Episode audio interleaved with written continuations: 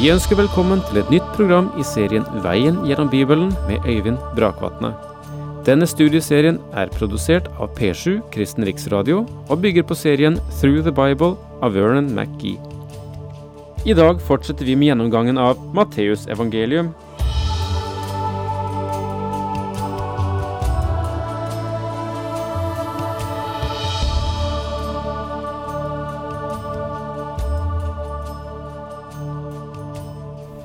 Disiplene hadde drøftet, kanskje bak Jesu rygg, mange ganger, eh, hver for seg, i små flokker, spørsmålet hvem er den største i himmelriket? De hadde fundert på dette for sin egen del, kanskje lurt på sin egen posisjon. Må, men nå kommer de til Jesus og stiller spørsmålet hvem er den største i himmelriket? Dette er i Matteusevangeliets 18. kapittel, og eh, vi var så vidt innom det før vi avsluttet sist. Og Da går vi frem til det andre verset, der Jesus gjør denne overraskende manøver. At han ikke tar opp en veldig lang diskusjon om selve temaet, men illustrerer det og sier Da kalte han til seg et lite barn, stilte det midt iblant dem. Ja, hva forteller dette oss? Det sier oss at det lille barnet kom til Herren uten å nøle. I Markus 10, 14 sa Herren, La de små barn komme til meg, og hindre dem ikke.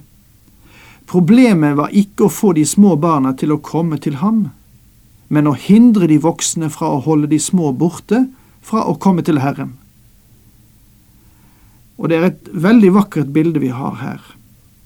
Herren tar dette lille barnet og setter det midt iblant dem. Og kanskje enda mer, Herren tar det lille barnet alvorlig. Og sa, sannelig, jeg sier dere, uten at dere vender om og blir som barn, kommer dere ikke inn i himmelriket. Ja, dette er sannelig et vers som har blitt misbrukt og misforstått. Noen mennesker tror at det betyr at man på underlig vis skal begynne å bli barnslig for å komme inn i himlenes rike.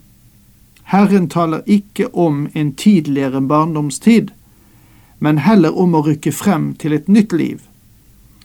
Her fører Herren inn et logisk argument for disiplene ved å ta deres oppmerksomhet bort fra spørsmålet om å ha en opphøyet plass i riket, til det som er det vesentligste spørsmålet, nemlig først sørge for å komme inn i riket. Og dette er like radikalt som Johannes 3, vers 3. Jesus svarte, sannelig, sannelig, jeg sier deg, ingen kan se Guds rike hvis han ikke blir født på ny. Det vesentligste som understrekes i dette verset, er den nye fødsel. Du må bli et barn i den betydningen at du blir født på nytt. Når du blir født på ny, så starter du igjen åndelig som et barn. Uheldigvis er det mange mennesker som ikke legger merke til sin egen åndelige umodenhet. Herren sier at når du er blitt omvendt, så tenk på din åndelige alder. Du må bli et barn. Skulle et barn til enhver tid stå frem og belære den voksne? Skulle et lite barn være leder i en menighet? Når Paulus peker på de kvalifikasjoner som er nødvendig for de som har tilsynsembete i en menighet, så sier han blant annet han må ikke være nyomvendt, for da kan han bli innbilsk og komme under samme dom som djevelen. Ja, det er sannelig et sterkt ord i første Timotius brev, kapittel tre. Jeg tror at Herren sier noe i den retning her. Den som gjør seg selv liten som et lite barn, han er den største i himmelriket.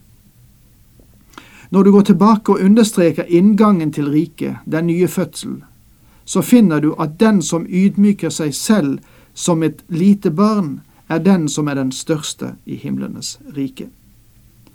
Den som tar imot et slikt lite barn i mitt navn, tar imot meg. Men den som fører på avveier en av disse små som tror på meg, for ham var det bedre om han var senket i havets dyp med en kvernstein om halsen.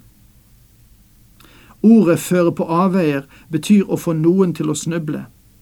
Det betyr igjen å føre inn i synd. Og Jesus advarer mot det i de sterkeste ordelag som finnes i hele vårt Nye testamente. Når jeg leser dette avsnittet, så virker det alltid slik på meg at det Herren gjør her, er å understreke evangeliseringen av barna som et guddommelig imperativ. Han gir høyeste prioritet til å vinne barna for Kristus. Og jeg vil gjerne oppmuntre alle som arbeider med barn i dag. Det er ingenting som er så viktig som det. Det fortelles om Dwight L. Muddy at han en kveld kom hjem fra et møte. Og de i familien hjemme spurte ham hvor mange som var blitt omvendt den kvelden, og han svarte to og en halv. Og hans kone svarte betyr det at to voksne og ett barn tok imot Herren som sin frelser? Muddy svarte nei, to barn og én voksen tok imot Herren. Og han fortsatte, den voksne var en eldre mann, og han hadde bare halve livet å gi. Barna, de unge, kunne gi hele sitt liv. De små barna er viktige. Og i disse versene legger Herren sterk vekt på barna. Ulykkelige verden hvor det er forførelser. Forførelser må komme, men ved det mennesket som de kommer fra. Om hånden eller foten lokker deg til synd, så hogg den av og kast den fra deg. Det er bedre for deg å gå halvt eller vannfør inn til livet enn å ha begge hender eller begge føtter og kastes i den evige ild. Noe barskere enn dette kan jeg ikke tenke meg. Og om øyet lokker deg til synd, så riv det ut og kast det fra deg. Det er bedre for deg å gå enøyd inn til livet enn å ha begge øyne og kastes i helvetes ild. Pass dere for å se med forakt på en eneste av disse små. For jeg sier dere, deres engler i himmelen ser alltid min himmelske Fars åsyn. Herren sier at vi skal ikke forakte en av disse minste. Når en av dem dør, vender hans ånd tilbake til Gud. Alle disse små går til himmelen, min venn. Om du har mistet en liten, så burde dette være en stor trøst for deg. De går til himmelen, ikke fordi de er uskyldige eller fordi de er dine, men de går til himmelen fordi Jesus døde for dem. Og det er det Herren taler om her. Støt dem ikke bort, forakt dem ikke, la dem komme til meg. Selv om de dør, så vil deres ånd være der i min fars nærhet. Så mange foreldre undrer på den evige stilling som deres små har. Kong David han visste dette. Da hans sønn med Batseba ble syk, var han veldig opptatt med dette barnets liv. Og vi har omtalen av det, forresten en meget vakker, rørende omtale av det i 2. Samuels bok, kapittel 12, versene 15 til 23. Han fastet og gråt og lå utstrakt på jorden hele natten. Men da barnet døde, reiste han seg, badet, skiftet klær og gikk inn i Guds hus og tilba ham. Hans tjenere var bestyrtet over dette, men Davids forklaring var denne, nå siterer jeg fra Skriften. Så lenge gutten levde, fastet og gråt jeg, for jeg tenkte at Herren kanskje ville forbarme seg over meg og la gutten leve. Men hvorfor skulle jeg faste nå når han er død? Kan jeg hente ham tilbake igjen? Jeg må en gang dra dit han er, men han kommer aldri tilbake til meg. Han hadde altså tillit til at en dag skulle han være sammen med ham og dette er en meget dyrebar sannhet. Mange mennesker har mistet en av sine kjære små. Det beste du kan gjøre, er selv å være et lite barn, bli født på ny og være rede når ditt oppbrudd kommer. For en dag, en gyllen morgen, så vil du bli tatt med til det samme sted, hvor, hvor det enn er. En far sa til meg en gang, vi har to barn, men den ene er flyttet fra oss som liten, og den andre er 20 år. Men jeg er mye mer bekymret for han som er 20, enn for henne som er hjemme hos Herren. For jeg vet at vår førstefødte er i trygg forvaring, og at jeg en gang skal se henne igjen. Det er viktig å legge merke til den følelsen Herren har angående barna, spesielt i våre dager når det er så mange overgrep mot barn.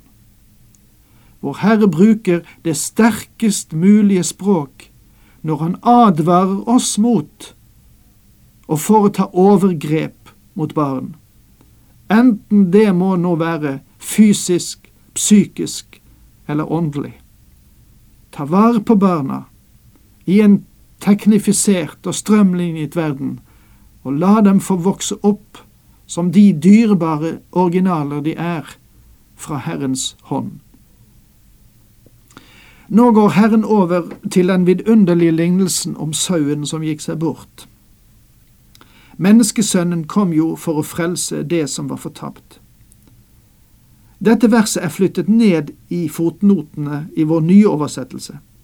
Det sies at det mangler i de eldste håndskrifter hos Matteus. Men det er tatt med i en annen sammenheng i Lukasevangeliets kapittel 19. Men selve sammenhengen i Matteus plasserer dette verset inn også her, synes jeg. Nøkkelen til denne lignelsen er ordet frelse. I Lukas 15 ligger trykket på å finne det tapte, og i Matteus 18 ligger den på å frelse det tapte. Hva mener dere når en mann eier hundre sauer, og en av dem går seg bort?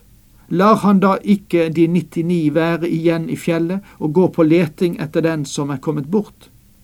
Og skulle han finne den, sannelig, da ville han glede seg mer over den ene enn over de 99 som ikke var kommet bort. Legg merke til hvordan han avslutter denne lignelsen, og fremdeles tenker han på de små. Slik vil heller ikke den himmelske Far at en eneste av disse små skal gå fortapt. Han vil ta vare på dem til de kommer til det punktet at de er ansvarlige for sitt eget liv.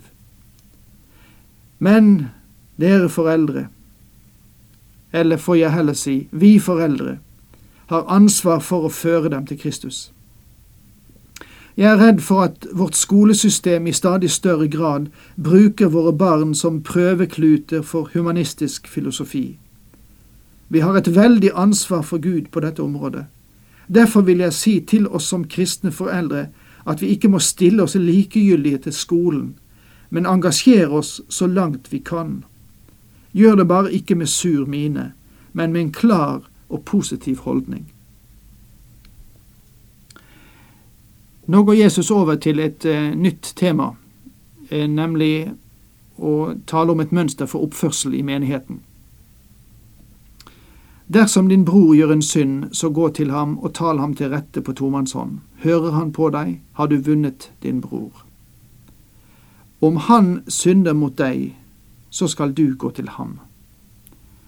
Dette verset taler om en synd gjort av en troende, og ansvaret ligger på den som er den fornærmede part, og nærme seg sin bror som har fornærmet ham, og ikke motsatt. Dette er et veldig aktuelt eh, forhold, og dukker sikkert opp i alle menigheter, innenfor alle samfunn og organisasjoner. Eh, ta denne regelen med deg, både i bønn og vurdering, i dagen som kommer, eller dagene som kommer, inntil vi møtes igjen og samtaler videre om dette. Inntil da, Herren med deg.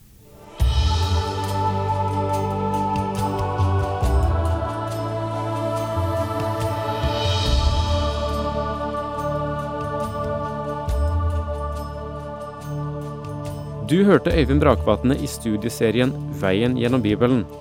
Serien bygger på et manus av Vern McGee.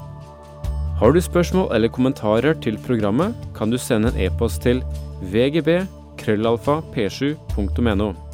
Takk for i dag, og på gjenhør.